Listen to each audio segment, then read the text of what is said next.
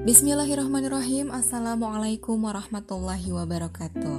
Apa kabar keluarga Indonesia? Selamat datang di keluarga Bahari. Nah keluarga Indonesia seperti yang waktu itu pernah kami janjikan Kami akan coba untuk mengupas tuntas Bagaimana caranya untuk mengokohkan akidah dalam keluarga, terutama kepada anak-anak, uh, bagaimana sih caranya? Karena kemarin kita sudah sama-sama membahas bahwa ternyata mengokohkan akidah itu sangat-sangat penting, karena akidah itu adalah sebagai pondasi uh, kita dalam uh, hidup dan juga dalam beribadah. Nah, hari ini saya nggak akan sendiri untuk membahas itu. Saya akan kenalkan dulu siapa yang akan menemani saya hari ini berbincang terkait dengan ini. Boleh dikenalin sendiri aja kali ya, nggak usah dikenalin sama saya. ya, assalamualaikum warahmatullahi wabarakatuh. Gimana kabarnya keluarga Indonesia? Ya, ya, kali ini saya coba nimbrung ya. Saya abinya anak-anak atau suaminya dari. uh... Bukan nimbrung kali ya, karena kan ini juga memang konsepnya adalah keluarga namanya juga kan keluarga Bahri Project ya yeah. gitu walaupun selama ini banyaknya saya karena memang abinya sibuk ya yeah. okay. sibuk untuk bikin konten alhamdulillah hari ini bisa menyempatkan uh, menyempatkan waktunya gitu ya sebelum berangkat bekerja untuk kita kita kita sama-sama bahas ya sambil kita juga kajian keluarga lah begitu ya untuk mengingatkan kembali kenapa sih akidah itu penting untuk jadi bahasan yang utama dalam keluarga Ya. Yeah. Uh, terima kasih. Duh, jadi agak grogi ini. terima kasih sama-sama. ya. Uh, jadi pada pada dasarnya memang namanya juga uh, manusia yang memang pada awal penciptaan dasar penciptaannya adalah uh, sebagai makhluk yang ditujukan untuk menjadi uh, Abdullah dan Khalifatullah begitu ya. Itu kan tujuan dasar pendidikan kita memberikan edukasi kepada anak, edukasi apakah di rumah atau dalam setting sekolah, ada bagaimana kita mempersiapkan anak-anak kita menjadi seorang Abdullah begitu, ya, seorang abdi Allah uh, yang menyiapkan dirinya untuk beribadah kepada Allah. Dan juga tidak hanya sifatnya kepada ibadah secara langsung pada Allah, tapi juga ibadah kepada uh, masyarakat, uh, apa namanya menjadi khalifah. Begitu khalifatullah menjadi pemimpin. Maksudnya beribadah kepada Allah tapi dengan yes. Mengabdi dengan mengabdi kepada masyarakat Betul. tapi tetap diniatkan Betul. untuk beribadah kepada ya, Allah karena ada khalifatullah begitu ya menjadi pemimpin yang memang dasar-dasarnya adalah untuk mengesahkan Allah mentauhidkan Allah maka menjadi pemimpinnya bukan sudah jadi pemimpin tapi pemimpin yang mengajarkan kepada kebaikan dan taat kepada Allah oleh karena itu memang uh, perlu bagi kita orang tua apakah mungkin pendidik di sekolah begitu ya, khususnya kepada kita orang tua untuk mempersiapkan anak-anak kita memiliki fondasi yang kokoh begitu agar siap nanti pada saatnya pada saat balik tentu saja uh, menjadi Abdullah dan Khalifatullah. Memang pada dasarnya juga kalau kita kejar begitu ya bahwa setiap manusia itu sebetulnya sudah bertauhid kepada Allah. Bahkan sebelum lahir pun sudah bertauhid ya sudah yeah. mengesahkan Allah. Dalam Quran surah Al-Araf misalkan di sana rajim Allah kan sempat bertanya e, alastu bi rabbikum qalu bala syahidna? Begitu. Pada saat ruh akan ditiupkan kepada uh, janin di usia 40 4 bulan ya? 4 bulan uh, Allah kan di di apa menyam, meminta dulu kesaksian kepada para ruh. Alastu birabbikum bukankah aku ini Tuhanmu? Semua ruh pada waktu itu akan ditiupkan uh, ke janin? Menjawab Kau lupa lah syahidna betul engkau Tuhanku jadi sebetulnya tauhid itu sudah sudah ada. Jadi dasar-dasar tauhid itu sudah sudah ada kuat. Begitu kepada kepada kepada anak bahkan janin begitu ya. Nah sekarang pertanyaannya adalah bagaimana kita mempersiapkan di alam uh, sadar kita. Kan kalau tadi berbicara di alam alam ketidaksadaran meskipun itu uh, nyata dan memang uh, sudah Allah uh, apa namanya uh, sampaikan dalam Quran surah ya ayat-ayat uh, kau kauliahnya begitu ya. Tapi memang bagaimana kan upaya seorang uh, manusia yang sadar khususnya orang tua agar uh, tauhid itu berlanjut begitu empat bulan anak kan tidak tahu apa-apa. Bang pada lahir kan juga anak tidak tahu begitu. Meskipun ada potensi tapi anak perlu diingatkan. Sehingga perlu ada upaya-upaya bagi kita agar uh, ananda ini siap. Dan itu memiliki pondasi yang cukup kuat agar bisa menjadi Abdullah dan tidak tidak keluar dari janji janji yang disampaikan di alam ruh kepada Robnya begitu. Bahkan dalam uh, terjemahan ayat selanjutnya itu agar apa? Agar nanti pada saat di yaumil akhir itu anak-anak kita ya manusia itu tidak tidak lagi mengatakan bahwa aku tidak tahu apa-apa kan begitu ya. Tapi sudah memang sudah diambil janjinya. Nah itu tugas kita agar janjinya anak-anak kita ini di hadapan Allah dan kita sendiri begitu agar tertunaikan dengan secara baik begitu Iya, jadi di satu hadis juga kan dikatakan ya bahwasanya semua anak itu terlahir dalam keadaan fitrah. Uh, akan tetapi akhirnya orang tuanya lah yang menjadikan anaknya itu menjadi Islam gitu ya atau mungkin Nasrani atau Majusi atau Yahudi begitu. Karena memang fitrahnya semua ruh seperti yang tadi sudah Abi jelaskan itu memang sudah berjanji setia gitu ya kepada Allah bahwa memang secara fitrahnya uh, harusnya sih beragama Islam. Tapi akhirnya ketika lahir ke dunia itu kan tergantung dari orang tuanya gitu ya. Sehingga memang betul uh, apa ya ya tanggung jawab kita gitu ya untuk membantu anak kita itu untuk merecall kali gitu ya apa yang sudah dijanjikan kepada Allah bahwa ya itu salah satu hikmahnya kenapa akhirnya ketika dulu kita berjanji di alam ruh terus ketika lahir ke dunia itu kita jadi lupa karena memang itu jadi ujian sih buat kita juga gitu ya dan termasuk untuk orang tua. Nah, sekarang gimana sih caranya? Apakah memang untuk menanamkan akidah itu harus sejak kapan sih? Apakah misalnya nanti deh kalau apa usianya udah udah apa ya udah besar misalnya gitu ya ketika sudah bisa diajak untuk berpikir uh, lebih jauh gitu atau sejak kapan? Ya, kalau dilihat dari yang tadi kan secara historisnya manusia itu sudah punya uh, apa namanya uh, diikat janjinya oleh Allah pada saat ditiupkan ruhnya maka sebetulnya bagi orang tua mempersiapkan akidah kepada anak bisa juga langsung dia di dilaksanakan atau dieksekusi pada saat uh, anak-anak kita masih dalam janin begitu ya tentu saja dalam dengan kandungan. dalam kandungan mohon maaf uh, dalam kandungan tentu saja dengan perilaku perilaku kita bagi orang tua apakah perilaku secara pribadi begitu menjaga kesalehan sendiri kesalehan diri kemudian khusus untuk dirinya kemudian pada anaknya bagaimana nanti kita memperhatikan makanan begitu ya asupan e, harta kepada anak-anak kita. Karena memang secara tidak langsung itu akan berpengaruh kepada konsep akidah. Karena kan akidah ini bukan hanya sekedar masalah asyhadu alla ilaha wa asyhadu muhammadar rasulullah mengesahkan Allah saja tapi juga ada proses di kan di sana. Ada proses bagaimana prosesnya ini kita menjaga sebaik mungkin agar anak-anak kita ini mendapatkan proses yang tepat gitu ya. Kan hasil itu nanti e, berakidahnya anak-anak kita tauhidnya kuat kepada Allah itu kan adalah hasil. Nah proses ini yang harus kita jaga. Mulai dari menjaga makanan menjaga harta dan seterusnya kalau kebiasaan barangkali sudah banyak contoh-contoh di luar ya bagaimana agar uh, anak kita nanti terbiasa dengan kalimat-kalimat Allah mulai dengan didengarkan uh, ayat suci Al-Qur'an kemudian ibunya pun sama juga membaca Al-Qur'an sholatnya juga sama bahkan seling dielus-elus begitu ya bagaimana agar uh, ananda juga merasakan apa yang dirasakan oleh orang tua khususnya untuk dalam beribadah. Itu kan satu hal yang yang apa nih bisa dilakukan pada waktu itu juga. Nah, terkait uh, apa kelanjutan apa yang sudah dilakukan apalagi setelah lahir kan itu jelas.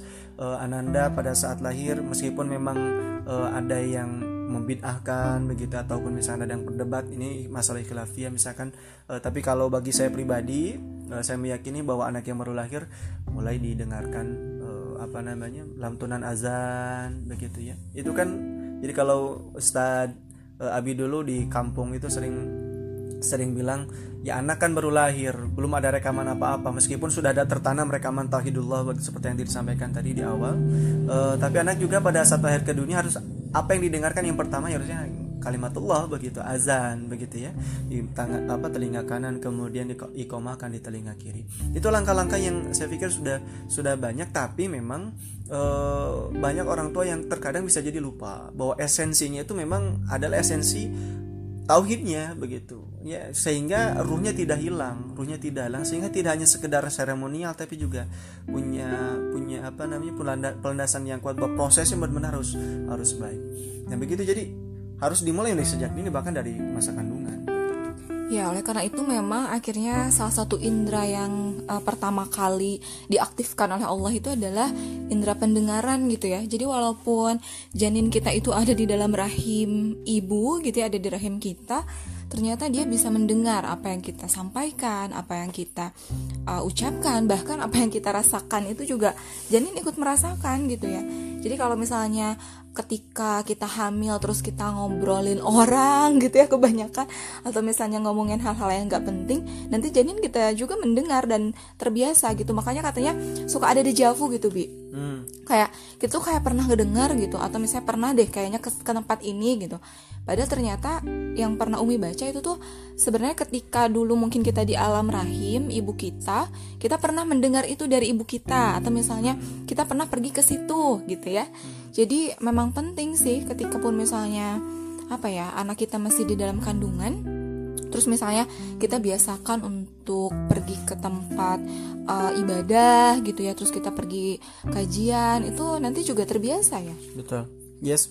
Ya jadi uh, kalau sudah pada tataran ananda kita siap secara indera begitu ya indera pendengaran kan kalau anak uh, kalau udah perkembangannya kan pas dari saat lahir ini indera yang pertama aktif itu kan uh, pendengaran sebelum apa pun begitu. Maka itu jadikan momen yang tepat agar ananda kita bisa menerima hal yang baik yang positif uh, mendengarkan Al-Quran ataupun yang lain. Tapi kalau sudah ananda uh, apa indra indra penglihatannya sudah aktif kemudian indra e, pengecapannya sudah aktif itu jelas e, banyak hal yang bisa kita lakukan agar anda bisa e, apa namanya memahami eksistensi Allah melalui metode yang tepat. Karena memang kemampuan berpikir anak juga perlu dipertimbangkan begitu.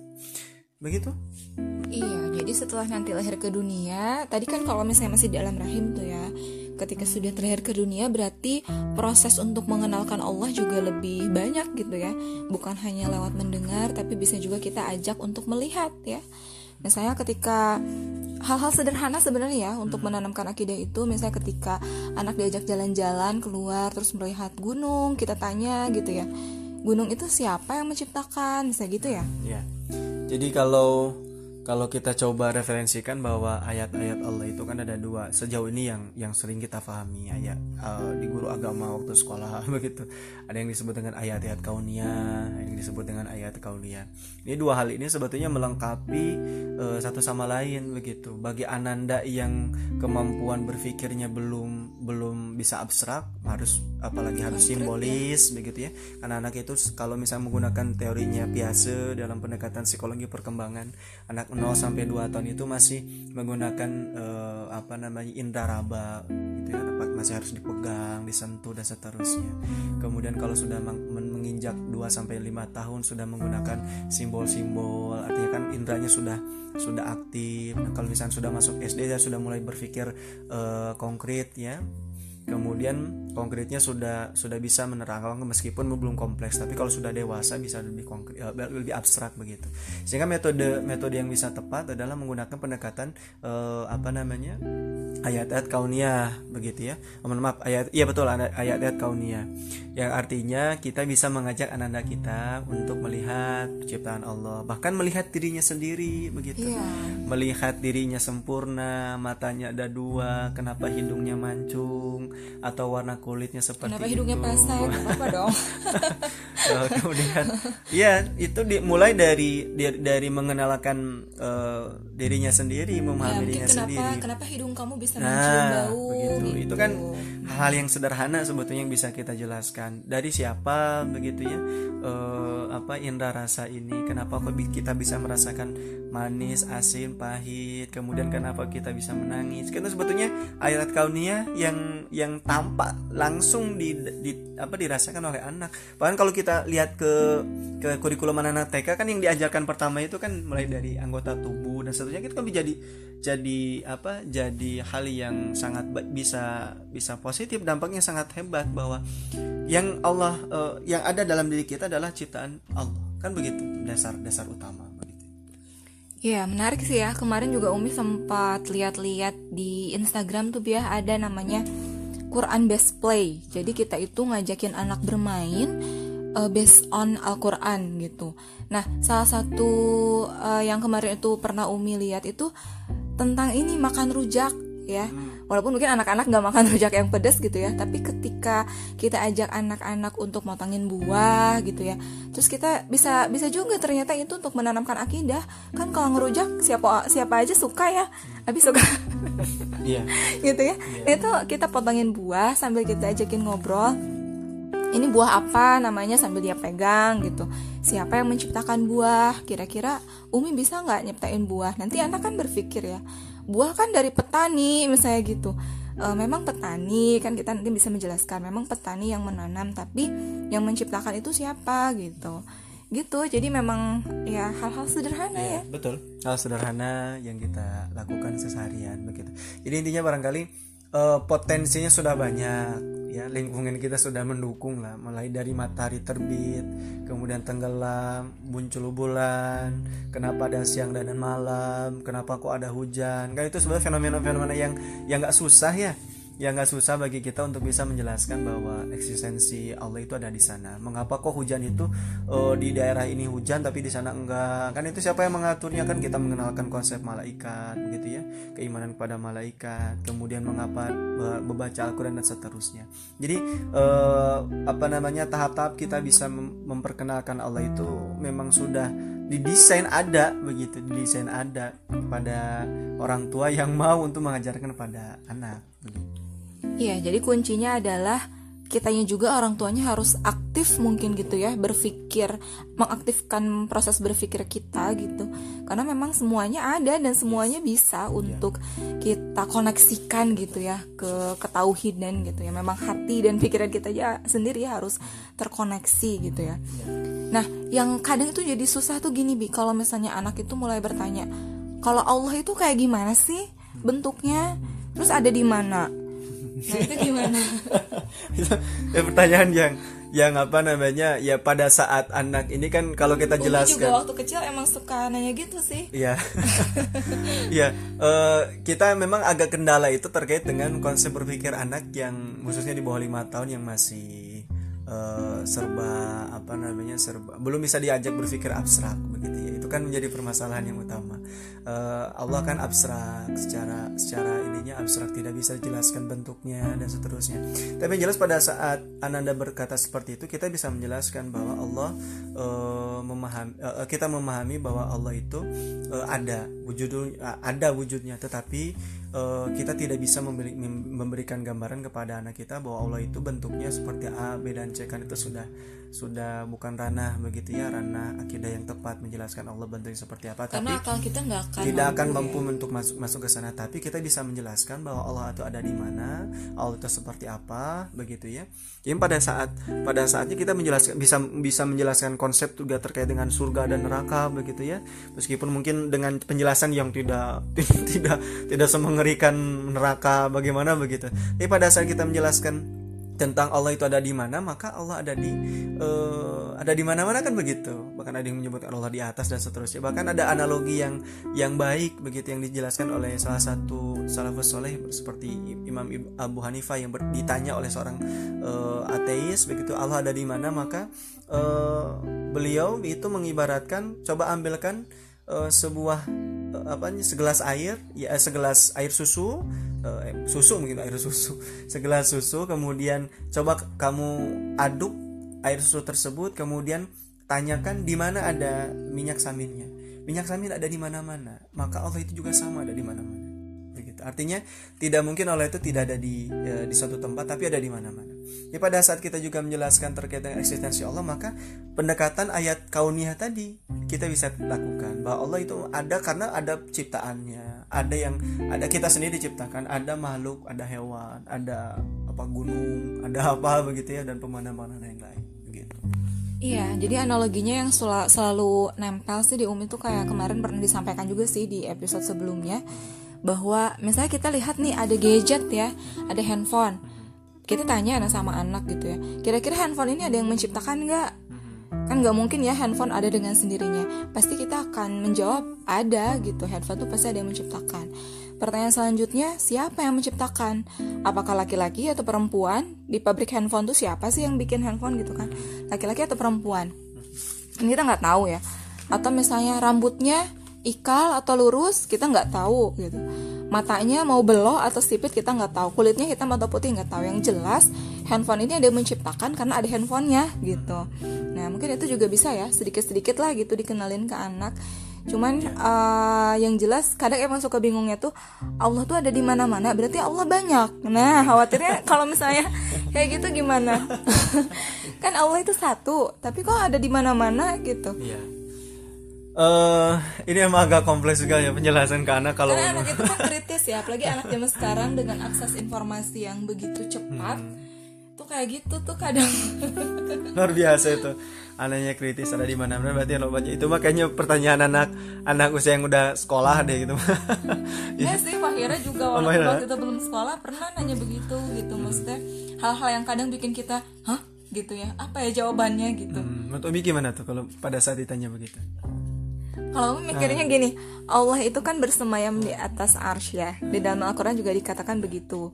Di ayat kursi juga kan di situ ya dikatakan seperti itu.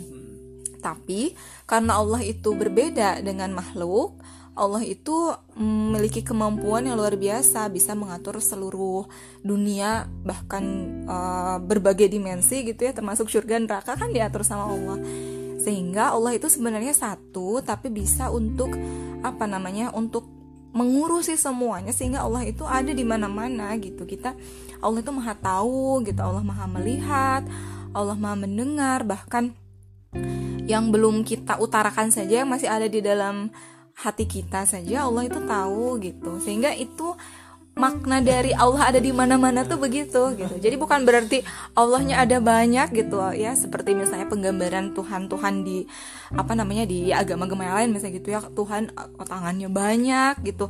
Terus kakinya banyak misalnya gitu kan bukan seperti itu. Karena memang tadi kan konsep ketuhanan itu yang perlu kita gambarkan kepada anak-anak itu bahwa Tuhan itu berbeda dengan makhluk jadi nggak bisa disamakan dengan makhluk. Saya laki-laki atau perempuan ya gitu terus beranak gak sih? Punya keluarga gak sih? Punya istri gak sih? Punya suami gak sih? Gitu. Itu kan berbeda ya. Memang konsepnya itu yang perlu di apa namanya perlu dipahamkan gitu ya ke anak. Coba kamu misalkan gambar pemandangan. Kamu sama pemandangan itu sama nggak? Kan kamu yang menggambar. Itu kan berbeda dengan yang dia gambar gitu. Iya. Eh, memang analogi ini bisa juga digunakan eh, pendekatannya mungkin sudah agak anak agak dewasa mungkin ya. Tapi juga mungkin bisa diadaptasi begitu bagaimana cara berkomunikasi pada anak. Jelas kita tahu bahwa salah satu sifat adalah Allah Maha Besar begitu. Allahu Akbar. Secara eh, definisi bisa kita menyebutkan bahwa Allah itu Maha Kuasa, bisa mengatur segala rupa dan secara secara apa namanya? secara eh, faktual atau misalnya secara harfiahnya bisa disebutkan bahwa Allah itu juga besar maha maha besar begitu nah ya. nanya lagi besar sebesar apa Ah, sih oke itu bisa langsung dijelaskan jadi kita hidup dalam eh, apa namanya kita kan tinggal di bumi ya. Di bumi di bumi itu ada bintang. Ternyata di alam semesta kan meng- meng- apa mengajarkan tentang alam semesta. Ada bumi ada bintang ada matahari ya termasuk bintang ada bulan begitu. Kan itu besar besar ada benda yang kecil ada yang ada benda yang besar. Eh, bumi itu ternyata lebih kecil dibandingkan dengan matahari. Ternyata matahari juga lebih kecil dibandingkan bintang yang lain. Nah, Allah kan yang menguasai semuanya. Kalau misalkan ada kelereng di tangannya kakak Mahira misalkan, kelerengnya kemudian kakak Mahira genggam, maka tangan kakak ada di mana? Ada di semua di, mengge- di semua bagian dari kelereng itu kan? Itu berarti apa? Allah itu juga memang menggenggam semuanya. Artinya ada di mana-mana. Pada saat kelereng itu kita pegang, begitu ya, kelereng kita pegang, maka kan tangannya cuma ada satu tetap tapi me- apa Menguasai. menguasai semua bagian dari kelereng itu juga sama jadi Allah itu satu tapi karena maha besar maka menguasai maka maka memang hanya ada satu dan e, di bawah kata di bawah di bawah pengawasan atau kontrol atau begitu ya jadi begitu. bisa menjelaskan dengan seperti itu bahkan kalau misalkan e, pendekatannya Abi pernah eh, kajian dengan Ustadz Khalid Basalamah misalkan karena saking besarnya maka Allah itu memang eh ya meng- karena menguasai semua semua alam jadi analogi kenapa Allah tidak bisa dilihat karena saking besarnya begitu ya saking besar Mungkin kita kaget gitu ya kalau ketemu Allah sekarang di dunia. Jangankan Allah lah bertemu dengan malaikat aja kan. Rasulullah saja ketika bertemu dengan malaikat Jibril kan pingsan ya. Saking wah gitu menakjubkannya gitu saking besar apalagi ketika bertemu dengan Allah gitu ya karena memang akal kita lah intinya nggak akan yeah. sanggup gitu ya ya kalau misalnya kita terlalu berpikir kayak misalnya orang-orang filsafat gitu ya ketika dia terlalu memikirkan sesuatu itu kan nanti ya. akhirnya malah jadi ateis gitu ya dia malah jadi ya. tidak percaya dengan Tuhan gitu ya, betul. Ya. jadi ada ada ada metode yang yang apa namanya yang perlu yang bisa kita kita terapkan pada anak ter, selain dari tadi menjelaskan kepada anak terkait dengan ciptaan Allah dan seterusnya. Kemudian uh, apa namanya bagaimana kita berinteraksi dengan dengan anak kita begitu. Jadi intinya barangkali metode-metode yang dikembangkan oleh orang-orang tes misalkan uh, ini pernah dikembangkan oleh orang ya orang Rusia lah begitu ya atau orang orang komunis begitu. Pada saat mencoba menghilangkan eksistensi Allah uh, anak itu diajak untuk berdoa ya anak oh, berdoa oh, iya. anak berdoa. Uh, oke okay, kamu anak kecil kamu berdoa kamu mau apa? Uh, coba berdoa kepada Tuhan kamu mau apa? Aku ingin roti coba berdoa kepada Tuhan. Uh, Tuhan aku ingin roti. Kemudian kata orang ateis itu ya ada nggak rotinya? Yeah. nggak ada. Coba sekarang kamu minta kepada saya sambil pejamkan mata. Uh, wahai bapak aku ingin roti. Coba buka matamu. Ada roti. Nah berarti Tuhan itu tidak ada. Ah dari konsep itu juga bisa sebetulnya kita kita gunakan dengan pendekatan yang yang tentunya tidak seperti itu begitu pada saat uh, anak berdoa begitu ya kenapa kok belum terkabul? Kenapa kok belum ada? Aku ingin mobil kok belum ada. Dijelas mulai di sana dijelaskan. Mobil. Ya, mobil mobilan. mobilan gitu ya. mobilan atau motor yang pengen mobil orang tuanya kali. Ya begitu kan mulai di sana dia iya. diyakinkan terkait dengan konsep doa dan seterusnya. Jadi eh, apa banyak hal yang bisa dilakukan oleh orang tua agar bisa bisa interaksi kepada anak untuk meyakinkan eksistensi Allah. Ya, jadi yang perlu di apa namanya perlu disampaikan ke anak itu adalah kita mengenalkan kehebatan kehebatan dari Allah gitu ya. Allah itu hebat, Allah itu luar biasa gitu ya. Allah yang sudah ngasih kita berbagai macam kenikmatan gitu kan itu yang perlu di perlu di apa perlu disampaikan gitu ya sehingga anak itu juga merasa takjub gitu dengan Allah itu dulu kali ya mhm. nanti akan seiring dengan bertambahnya uh, pemahaman dia seiring dengan berkembangnya konsep berpikir dia kita bisa lebih jauh lagi mengenalkan tentang hal-hal yang lain gitu ya. Ya betul. Ya. Ya, ya. ada lagi yang mau disampaikan? Um, jadi kalau Abi mengutip dari kitabnya Ibnu Hajar Asqalani misalkan di kitab kitab Fathul Bari bagaimana menguatkan iman kepada anak itu juga bisa dengan contoh karena invest manifestasi iman itu adalah perilaku. Jadi misalkan di sini ada bab khusus terkait dengan memberi makan pada yang membutuhkan. Itu juga sebetulnya konsep keimanan ya konsep keimanan kemudian masalah doa juga masalah iman. Oke tapi saya, saya pikir itu akan ada pembahasan lebih lanjut ya. oke ya. pokoknya nantikan episode selanjutnya. Insya Allah nanti kita akan sama-sama bahas lagi ya. Karena ini anak-anak udah pada bangun jadi kita cukupkan dulu untuk pembahasan kita hari ini. Semoga bermanfaat. Terima kasih banyak sudah berkunjung ke keluarga Bahri. Nantikan episode selanjutnya. Wassalamualaikum warahmatullahi wabarakatuh